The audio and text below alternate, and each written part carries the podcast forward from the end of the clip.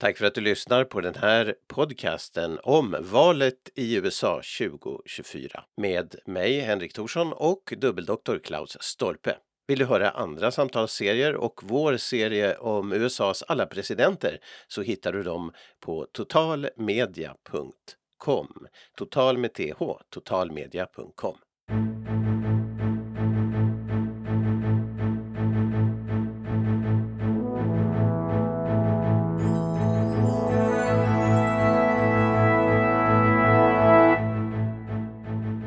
Välkommen till den här podcasten om valet 2024. Om valet 2024.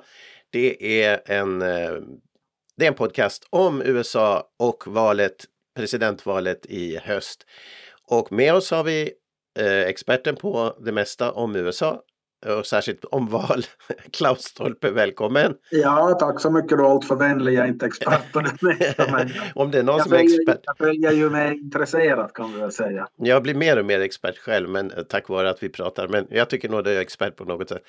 Bägge partierna har faktiskt ett primärval nu i New Hampshire. Man hör inte så mycket om det ena partiet, men så är det faktiskt. Det kommer i natt.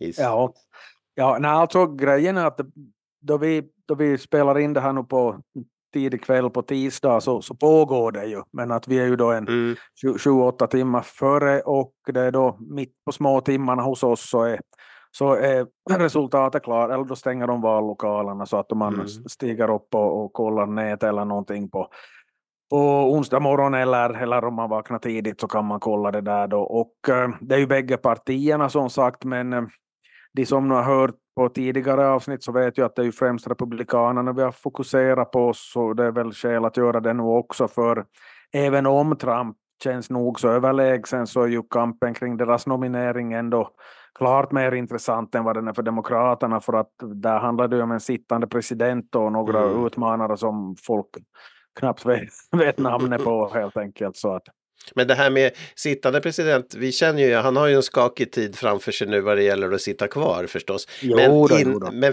men traditionellt sett så är man väl safe i sitt eget parti i alla fall då när man sitter? Är- Ja, i princip. Jo, då, det, det är nog sällan någon blir bort, bortfixade. De, är, de, är de så svaga så att, att, att de hotas av att inte ens bli nominerade så brukar de dra sig ur. Uh, Lyndon B Johnson 1968 till exempel. Mhm. Men Ja, eh, det. Ger- Gerald, Gerald Ford 1976 så var ju nära att bli utslagen av Ronald Reagan i primärvalen faktiskt. Så att, eh, Aj, var en finns.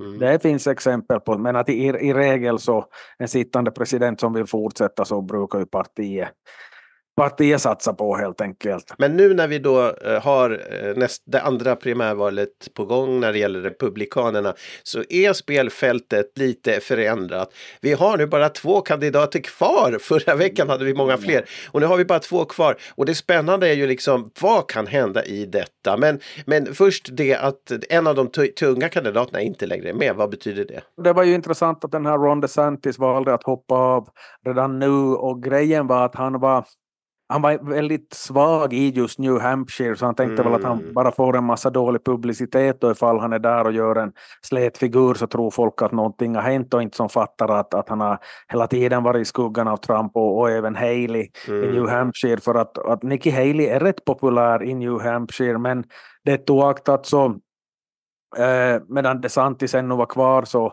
det var nog så att galluparna visade på att Trump skulle få hälften av rösterna och Haley en tredjedel och no, DeSantis och några andra skulle dela på resten. Men Mm. att eh, nu då DeSantis har hoppat av så har han ju gett sitt stöd åt, åt Trump om han då hoppas att få några få nå fördelar av det i fortsättningen kan man väl kanske gissa men att eh, även om Haley är rätt förhållandevis populär i New Hampshire så verkar hon nog ändå stå klart i skuggan av, av Trump och det, det, som, det, får vi, det får vi ju se i natt sen då vi stiger upp, om ifall man stiger upp och vill ha ett glas mjölk eller något, något, något, Men- något sånt.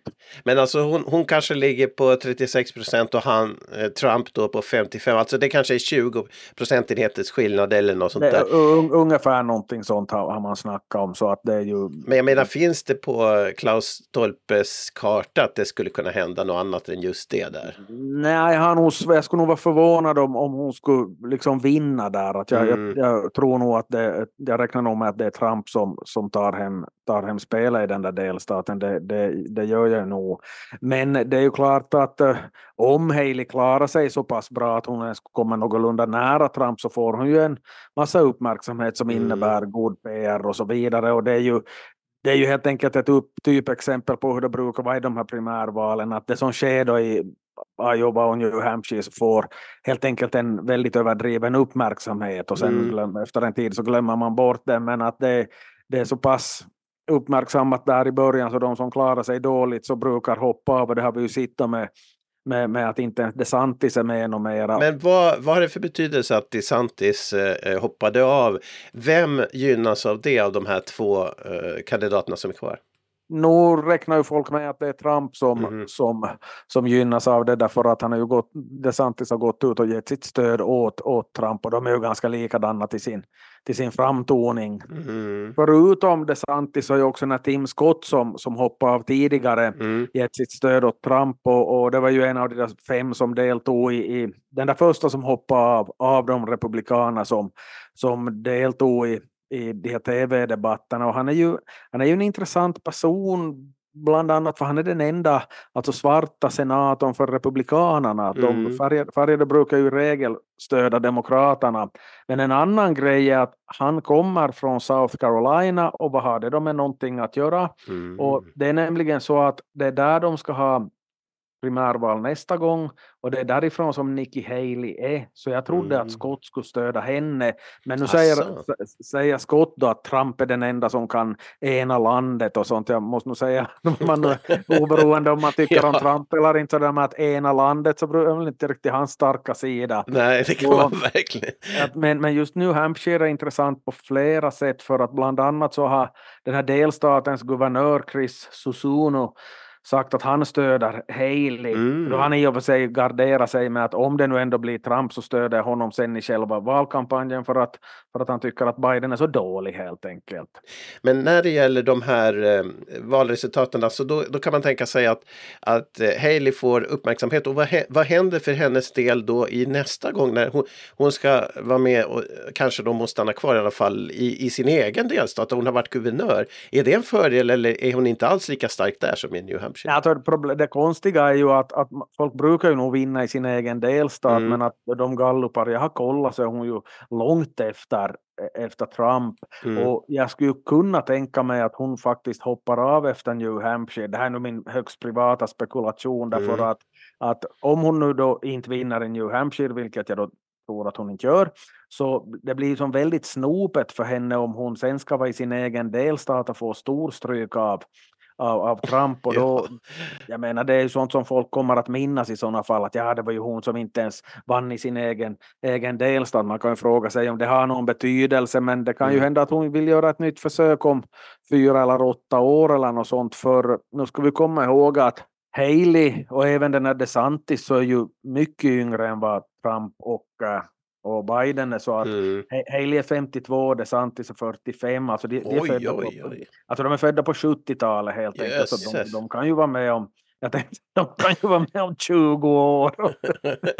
ja, Biden och Trump har ju visat att det finns en lång karriär för presidenter. Jo, jo, jo, jo, jo, jo, jo, jo. Alltså, jag menar, de kan väl tänka mig att just den här situationen i South Carolina så gör att jag nu inte skulle vara förvånad att om, om Haley skulle hoppa av efter New Hampshire. Jag har mm. inte sett, där, men vi vill ju understryka att det där är mina helt egna spekulationer, inte, som, inte är det ju någonting som nu media har frossat i eller något, något sånt, eller, men att mm. det, det, Nej, det, det, är inte, lite... det, är inte en, det är inte en orimlig gissning. För att hålla, hålla facet och inte förlora ansiktet helt enkelt. I ja, sin egen... ja men, men, men, men, men precis. Eh, vad händer om, om hon gör det? Eh, då blir det walkover-vinst för Trump. För det finns ingen... Ja, men precis. Då finns det ju ing, ing, ingen annan. så då blir det spännande, lika spännande som i något presidentval i Albanien på 70-talet. ja, men alltså, ja. har, har, vi varit med om det förr? Att primärvalen har, har upphört därför att det bara finns en kandidat? Har det någonsin hänt? Ja, egentligen egentligen inte. Alltså det brukar ju nog kunna vara så att om en sittande president är någorlunda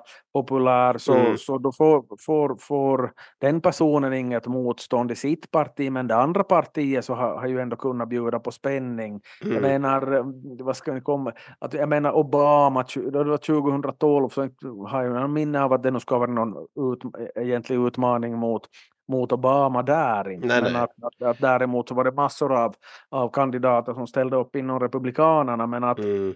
att nu har vi ju då en, en sittande president och en ex-president som då är tillräckligt starka i, i sina egna partier och då, då är det då är det liksom, ja, som jag sa, det tråkigaste primärvalen som jag nu kommer ihåg i alla fall. Ja, det, ja, brukar, det brukar vara spännande i åtminstone någondera partier.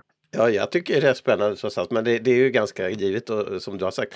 Men, men när, när eh, de behöver ju gå ut bland, till folket och prata nu. Trump måste ju visa sig mer och mer. Eller, eller, ja. Så att det här, om inte det är primärval så blir det ju ändå en valkampanj som drar igång tidigare för själva national, det nationella valet kan man tänka sig. Visst, och för... sen kommer det ju en annan aspekt här som vi nog inte alls har berört och det är ju det att om det där avgörs väldigt fort vilket det knappt antagligen blir fallet i bägge partierna, mm. så då behöver de ju inte slösa en massa pengar på själva primärvalen utan då får de ju fokusera fylla ladorna inför själva, själva presidentvalskampanjen. Då betyder det väl att vi får eller vi amerikanerna får liksom ännu mera reklam via tv och sociala medier än vad de har fått förr, vilket inte vill säga, vilket inte vill säga lite för att då ja. de inte bränna pengar i jag tänkte säga i onödan, men mm. bränna pengar på primärvalen. Ja, ja, precis. Ja. Men eh, en, en sak till när det gäller eh, det som hände förra veckan. För, för primärvalet i New Hampshire vet vi inte ännu och det kommer vi att kommentera om en vecka eh, mer i mm. detalj och se vad som har hänt då. Eh, men eh, för en, en, kommentar kring det som hände för en vecka sedan i Iowa. Det, det var, jag noterade att Trump fick endast 50 86 000 röster. Det lät väldigt lite i en stat med 3 miljoner. Förklara, vad, vad är läget? Ja, är det jordskredsseger verkligen? Precis, ja. ja han, den där uppmärksamheten kring de här valen blir ju lite lustig då man mm. kollar siffrorna närmare. Han fick som sagt 50 procent av rösterna i Republikanernas nomineringsval. Ja, ja det mm. vet vi. Men att av en och en halv miljon registrerade röstberättigade så var det 100 000 som gick och röstade. Mm. Eh, Trump fick 56 000 röster. Det är alltså 3,7 procent av, av de som är registrerade röstberättigade i den där delstaten. Man måste ju alltså gå och registrera sig i USA mm. för att få rösta. Och, och, det här, och ser man på, och då kan man ju räkna bort förstås eh, de som är demokrater, så att av, räknar man på alla som har uppnått rösträttsålder i Iowa så fick Trump 2 procent av röstarna. Mm. Och det där låter ju förstås helt knäppt, men jag vill ändå understryka att jo, men han fick hälften av de röster som har avgetts. Det förnekar mm. ingen, men att, att det, det, det där visar ju på hur, som få personer som var med. Ja. Och det är ju rätt intressant mot bakgrunden av att vi och diverse journalister i USA och världen över har som vänt på det där från alla vinklar mm. nu, men att det som såg de där konkreta siffrorna så kändes det som att, att liksom, är det det här vi håller på och håsar upp? men, men säger det här någonting om man nu räknar bort förstås Demokraterna eftersom de ju inte menar det primärvalet. Men, men, mm. men säger det här någonting om vad som kan hända i det nationella valet i den delstaten då? Nej, det gör det egentligen inte för att det som det säger är ju att det är de mest intresserade som att trots att den här enorma svin kalla vädret som mm, de hade i Iowa och då vet vi ju inte om de är så representativa för gemene man sedan. Att, så att nej, den spekulationen kan, kan, man ju ta för att, att de här behöver ju inte nödvändigtvis vara helt representativa för att i vilket fall som helst så kan vi väl påstå och hävda att, att de här är med, de, de som gick och röstade så är mer, mer intresserade än vad genomsnittsväljaren är. Genoms, de, mm. de andra stannar hemma i värmen. Jo, jo, precis. Och Demokraterna behövde inte ens gå ut för det fanns inget nej, sånt nej, nej, val där för dem. Så att, eh, eller ingen caucus där för dem. För de, Demokraterna hade ju valt en annan stat till att börja med. Eh, okej, okay, det var bra. Vi ska fortsätta som sagt nästa vecka och summera efter New Hampshire och titta framåt. South Carolina kommer om det kommer. Eh, men nu ska vi prata om några andra saker och det är eh, två begrepp som eh, jag, jag inte har känt till förut. Det är Court Party och Country Party och det har en viss bäring faktiskt på det här med Trump. Ja, precis John. Det där handlar om att det var en, en uh, historiker som hette John Pocock som uh, han, gick, han, alltså han gick bort nyligen strax före jul. Aha. Och det här var inte någon sån här, alltså inte var det någon sån här jättevärldsberömd person men, men det som han sysslade med så var intressant i det här sammanhanget för han, han hade profilerat sig genom att belysa politisk teori ur ett historiskt perspektiv och, och då kan man ändå dra paralleller till till nutid därför att han, han gjorde helt enkelt en koppling mellan Trumps popularitet och varför Trump är så populär nu. Och han kopplade ihop det där till motsättningar i Storbritannien under, under slutet av 1700-talet, alltså under den här tiden då, under den här epoken då USA ju faktiskt kom till. Jaha, okej. Okay. Det där så det handlar väl inte om USAs tillkomst överhuvudtaget, det bara råkar sammanfalla tidsmässigt för att det var så att mm. de här partierna som styrde i Storbritannien på den tiden så kallades för Whigs och Tories. Mm. Men äh, åsiktsmässigt så, så kunde man dela in folk utgående från Country Party och Court Party. Och vad betyder det? Kan man alltså mycket fritt översätta då till säg nu gräsrotspartiet och hovpartiet eller något sånt. Det vill säga en motsättning mellan etablissemanget och, och ah. vanligt folk. Och okej, okay, det där är det fanns helt enkelt strömningar inom brittisk politik var man då med all rätt säkert äh, associerar den politiska eliten med en klick som såg till sina egna intressen och inte vad som var bäst för allmänheten. Mm. Och det, är då, det var ju då det där Court Party och, och just den där företeelsen så ser man ju en hel del via dagens politik i bland annat USA och många andra länder att en sån här mm. misstro till etablissemanget. Mm. Och och det här, då var det så att, att det, det fanns en sån här, alltså nu, fann, det, nu fanns det ju alltså, det fanns ju inga partier som hette just gräsrotspartier och hovpartier, men de, de fanns där i alla fall på ett, ska vi kalla det mentalt plan om vi säger så. Mm -hmm. Och det var en karl som hette Bolingbroke som jag nu alltså inte känner till från andra sammanhang som, som helt enkelt efterlyste att, eh, att man skulle ha en sån här patriotisk kung eller annan ledare som skulle stå över det här partikäbblet och, och helt enkelt representera folket mer än vad nu en härskare gjorde på den där tiden. Mm. Och eh, vad har vi då för märklig historielektion här? No, det handlar väl om att det är väl just så som Trump sympatisörer ser på Trump, det vill säga att, att eh, han är den här som eh, Eh, medan de andra liksom skor sig på sina politiska uppdrag och gör sig rika så han snarast förlorar pengar på att, att vara politiskt aktiv därför att han skulle tjäna mer pengar om han skulle ägna sig åt sitt affärsimperium och, och så vidare. Mm. Och så tycker man väl om då när han är ja, stor i käften rakt ut sagt. Och, mm. Och jag menar med jämna mellanrum så hör man ju här också när man talar med folk att det är bra att någon rör om i grytan. Då, det där låter väl kanske bra men jag är inte riktigt fast vad det betyder. Alltså, men det, det är någonting som låter bra när man säger det. Men jag menar om, om om man lägger i fel, fel kryddor i grytan så blir väl maten inte riktigt, inte riktigt god helt enkelt. Mm, men de där, ja, det, det, hette de Court Party eller var det, var det bara ja, så man kallade det? Det var bara så man kallade dem. Alltså det fanns mm. ju inga organisationer. Det var som jag redan nämnde här tror jag att det fanns inga liksom registrerade organiserade partier som hette så utan det var liksom på ett mera mentalt plan om vi säger så. Ja, ju precis. Ja. Mm. Och då igen de här, de här etablissemangen eller vad vi vill kalla dem eller court party så de såg ju på det där country party eller gräsrotspartiet som helt enkelt ett gäng tölpar som trodde på en massa konspirationsteorier och så vidare. Det vill säga så som många idag betraktar Trumps anhängare. Mm. Och nu är det ju bara det att, att har man ett demokratiskt system så då, då är det ju så att också dessa mindre besuttna har ju, har ju var sin röst de också och mm. de är ju mm. många. Ja. Sen i och för sig ofta är det sådana här människor som är på sofflocket på valdagen men jag menar den som får fart på dem så har mycket att vinna. Det gäller ju liksom inte bara Trump utan mer eller mindre populistiska partier på, på olika håll i, i världen. I Europa så har vi ju exempel på det där i liksom snart sagt varje land. Ja, men har, har du känslan av att det var populism också i, i det här som den här historikern plockar fram om England? Att fanns det samma populistiska tongångar där i, i, i ja, det här? Så, så verkar det. Alltså mm. skillnaden är ju då att på den tiden så så, så fanns det ju inte så mycket informationskanaler utan man kanske stod i, ja. fiskön på torget och spred sina konspirationsteorier. Mm, idag, idag så sprider man ju de där konspirationsteorierna via, via nätet mm. och det finns ju alla möjliga chanser att kolla upp fakta och så vidare men sen är det ju den enkla sanningen att vi väljer ju själva vi kollar på nätet och, och, och mm. rör man sig i ett i en viss krets där så får man ju höra bara liksom den ena den ena sidan av, av, av sanningen eller verkligheten eller debatten eller vad vi vill, mm. vi vill kalla det.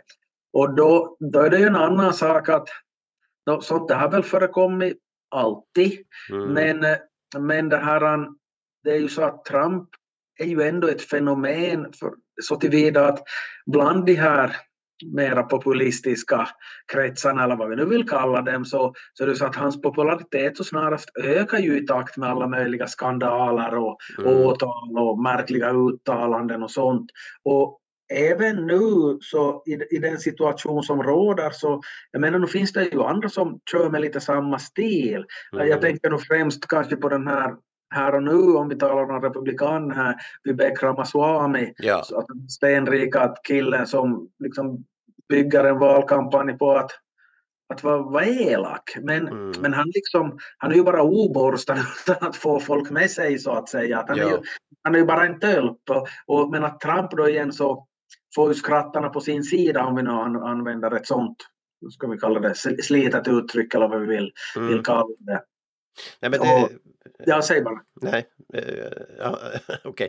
Ja, men, men det är intressant att, att um, i alla fall den grundläggande konflikten fanns då enligt den här historikern. Hade han gjort det här då senaste tiden eller var det redan när Trump uh, valdes till president som han gjorde det här? Vet du det om han?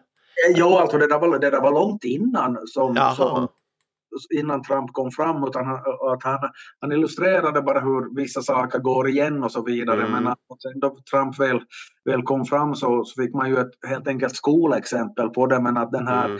den här Pouk också använde sig av andra exempel då han liksom skrev böcker och, och sånt om det här. Och jag, jag hade inte hört talas om honom förrän han dog, men att då var det mm. någon som tog, tog upp det där med att, att, att här har vi en, någon som är ett verkligt intressant namn för att, att han hade som liksom skrivit om Trump för att Trump slog igenom helt enkelt. Ja, just det, intressant. Men, men eh, när man talar då den här, den här eh, ja, Court Party och Country Party, den här konflikten mellan två, två sådana här grupper då kan man undra om, om vi, vi, kan ju föreställa oss att på 1700-talets slut så fanns det säkert, ganska säkert en sådan eh, konflikt, alltså det fanns belägg eller underlag för en sån konflikt. Man kan tänka sig det, att... tror, det, tror, det tror jag säkert för mm. att eh, om man nu tänker sig vilken typ av samhälle det var så mm. en, en, en som nu var besutten så han var nog som så fjärran från, från från det här om hur vanligt fattigt folk, folk hade det så att det, mm. det var knappast, knappast något, något, något unikt, på, unikt på den tiden.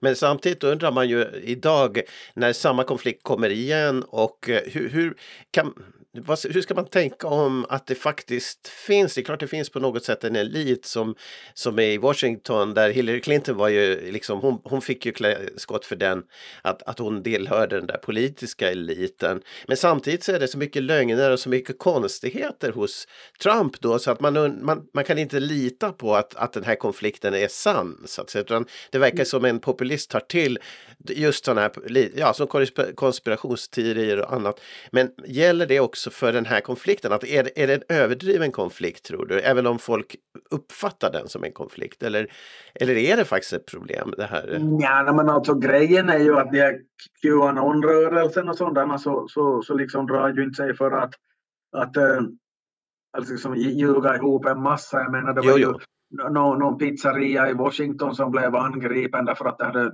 folk hade skrivit på nätet att det var någon, någon satanist, pedofil, kannibal. var Hillary Clinton, vem tusan det nu var in, involverade och det förekom en massa hemskheter i källaren på den där pizzerian och det visade sig att no, till att börja med, förutom att det inte stämde, så fanns det någon källare på den där pizzerian. men, ja, men, helt oskyldiga människor kan ju kan ju liksom få plikta med livet om, om, om sådana att fårskallar får liksom gå an och skriva vad de vill på nätet. Om det är mm. någon, någon som far dit och liksom tror på allt de, de läser. För att den där, det var ju någon som hade varit dit med skjutvapen och, och, och härjat på den där pizzerian just, mm. just för att att ställa saker till rätta. Det, Nej, det men det är allt sånt här som gör att man inte riktigt kan tro på den här grundläggande konflikten, att det finns ett, ett fel i demokratin på så vis att där finns en elit och så vidare. När, när det är så mycket sånt här strunt också. Mm. Men, men är det ett, kan det vara ett problem som ändå är på riktigt där under som handlar om att eh, väldigt få människor har politisk makt och det finns en elit som har sitt eget språk och så vidare. Och att det är ett problem. Faktiskt.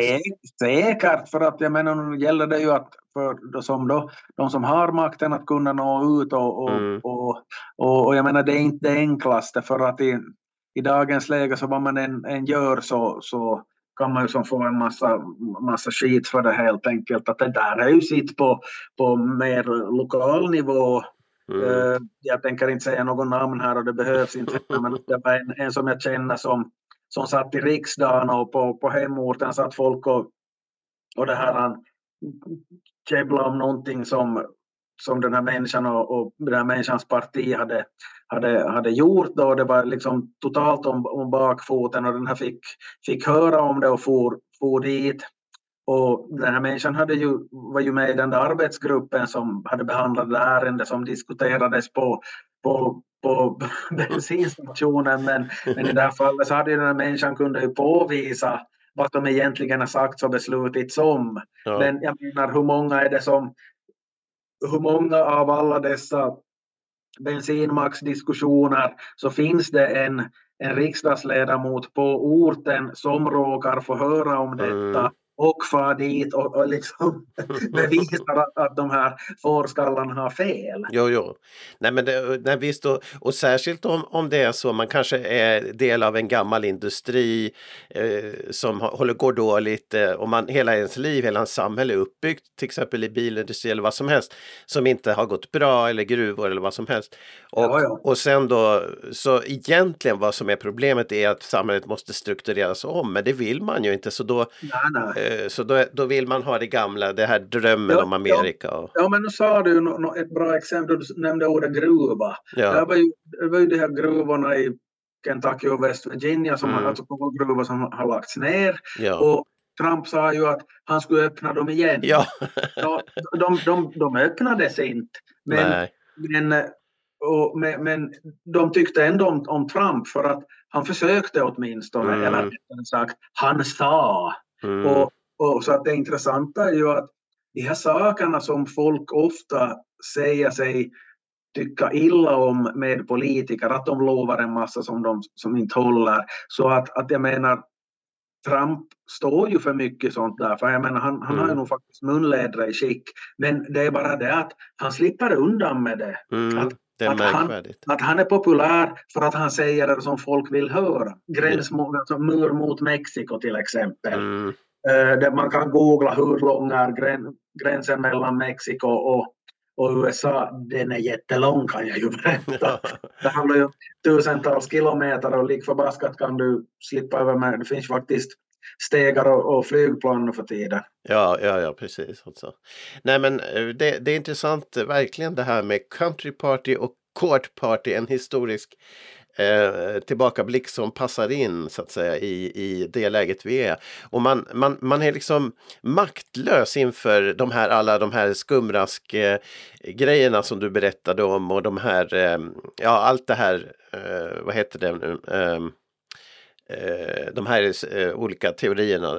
Konspirationsteorier. Ja, alla konspirations konspirationsteorier och, och lite snedvridna populismen och allt det där. Det går liksom inte att värja sig mot, det går inte att diskutera mot det och det är väldigt många människor som, som så säga, tror på det och eh, som fångas av det här och, och, det är jättesvårt att sätta emot. Det går inte att säga emot alltså. Det är ja, det som är så ja. märkvärdigt. Det är lite som Trump också. Han, är, han, han, han eh, klarar sig igenom trots att han säger så konstiga ja, saker. Det är ett fenomen. Men sedan ännu med det här country party och court party så kommer jag ihåg en grej som jag hade glömt bort. Jag har en god vän som via sitt jobb ofta rör sig i, i USA. Mm -hmm. Och, eh, och då, då hade han eh, i samband med det här valet, alltså då den gången då Trump vann 2016, mm, så, så alltså hade han träffat någon, alltså en jurist i New York som jobbar med att hjälpa nyanlända att, att liksom få, få sådana här uppehållstillstånd och, och, och så vidare. Och, mm. och den personen så, så sa att han hade röstat på Trump. Och det lät ju lite bakvänt för att om man nu jobbar med en sån där sak så kanske man skulle inte tänka sig att, att den, den personen sympatiserar med, med, med Donald Trump. Men att, att, att, att och när kompisen min hade frågat, ursäkta nu att vad, så, du får ju rösta på vem du vill, men att hur, hur kommer det sig då? Och då sa han att, att när han var så irriterad på, på Hillary Clinton och på Bill Clinton, för han upplevde att deras intresse av politik så hade gått till det att de grundade en stiftelse för att kunna åka omkring och hålla tal och, och dra in en massa pengar. Ah, intressant. Så, så redan, och jag menar, det här var ju ingen dumskalle om han var utbildad mm. jurist så, så, och han, han liksom gav ett skärpt intryck och sånt, så att det var ändå en en form av ja, en proteströst helt enkelt. Att irritationen över motståndaren. Mm, ja, jag förstår. Det, det, är ju inte, det är ju inte bara frågan om att det är en massa dumskallar som, som, som liksom reagerar och, och, och, och stöder Trump, vilket det lätt kanske framstår som då man följer med mediaflödet i våra trakter. Men, Nej, men det är ju en jättestor med underlag, ett väljarbas alltså, verkligen. Jo, jo, jo, jo, jo, jo, jo, men att just, just den här kompisen min så han, han då skulle han inte ha varit så förvånad som, som han var så skulle han ju inte haft orsak att föra den där saken på tal med mig heller inte. Nej, det var mycket intressant och, man vet ju inte om, om den här som jobbade med immigration då skulle tycka att det var bättre att det var mindre för att det är ett sånt elände eller jag vet inte. Men, och det fanns sådana, att det, han, ja, han såg hur dåligt det fungerade. Han ju hjälp, den så att, så att man tycker att grundinställningen skulle ändå vara eh, liksom positiv där. Jo, så, men att, jo, precis. Att, att, eh, men att det som han motiverade med så var just det här med, med uh, ovilja gentemot herr och fru Clinton helt enkelt. Ja, just det.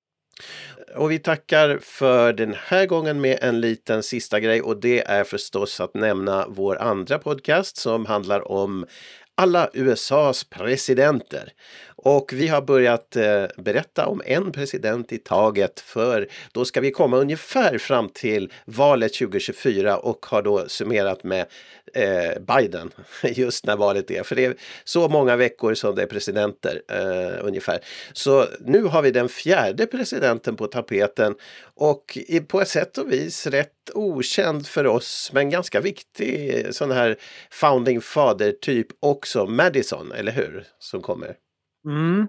Ja, det här han, jo, jo, han, han är ju, vissa presidenter är ju mer kända för vad de har gjort efteråt mm. kanske och någon annan för vad de har gjort in, före de blev presidenter och James Madison så är ju ett bra exempel på det här sistnämnda för att han är ju, han är ju den som till stor del höll i pennan då man skissade upp den här konstitutionen som amerikanerna älskar att hänvisa till med, med jämna mm. mellanrum. Han skrev ju inte den ensam utan det var ju 55 karar som satt och kom överens i en kåk i Philadelphia sommaren 1787 men att det var rätt långt han som, som var arkitekten bakom det hela. Mm. Och sedan då blev han president 1808 1812 och uh, en minnesvärd grej där var att man hamnade ju i luven på britterna mm, och det skulle kunna kosta USA deras självständighet. Eh, britterna tog i land och tutta eld på bland annat Vita huset. Just det. Eh, men, men det, de, det börjar regna så att det, det klarar sig och eh, då målar man kåken vit för att dölja de där brännskadorna. Men att det, det börjar heta Vita huset först, först långt senare men att det, det blev vitt från och med, med, med det där. Det blev svart och sen blev det vitt. Men Ja, eh. Mr Madisons War var det väl man kallar det där. Ja, e- e- ex, exakt. nytt krig mot England. Ja, precis. Och dessutom lite sådär hånfullt att ja, det var han som ställde till det där kriget. Mm. Men i själva verket och så klarade de ju sig bra så att, att det på sikt så ökade ju deras liksom ego. Uh, att hurra vi amerikaner, vi kunde stå upp mot britterna en gång till. Mm. Men det kunde ha gått på väldigt mycket på tok. Ja, ja, precis, där ser man. Ja, men eh, eh, varsågod och lyssna på vårt, eh, vår programserie där Madison alltså togs upp idag. Det är fjärde presidenten och det finns fler, så lyssna på den. Den är också på Spotify, Apple Podcast och dessutom på den här sidan där du hittar den här podcasten. Följ gärna valet i natt och eh, när du lyssnar på det här kanske valet har varit, du vet mer, men då kommer våra kommentarer nästa vecka. Tack för idag Klaus Stolpe! Ja, tack själv.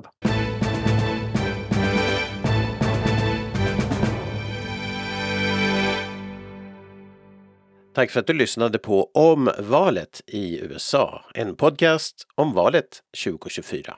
Du hittar fler samtalsserier på totalmedia.com och vår serie Mr President även på Apple Podcasts och på andra ställen där poddar finns.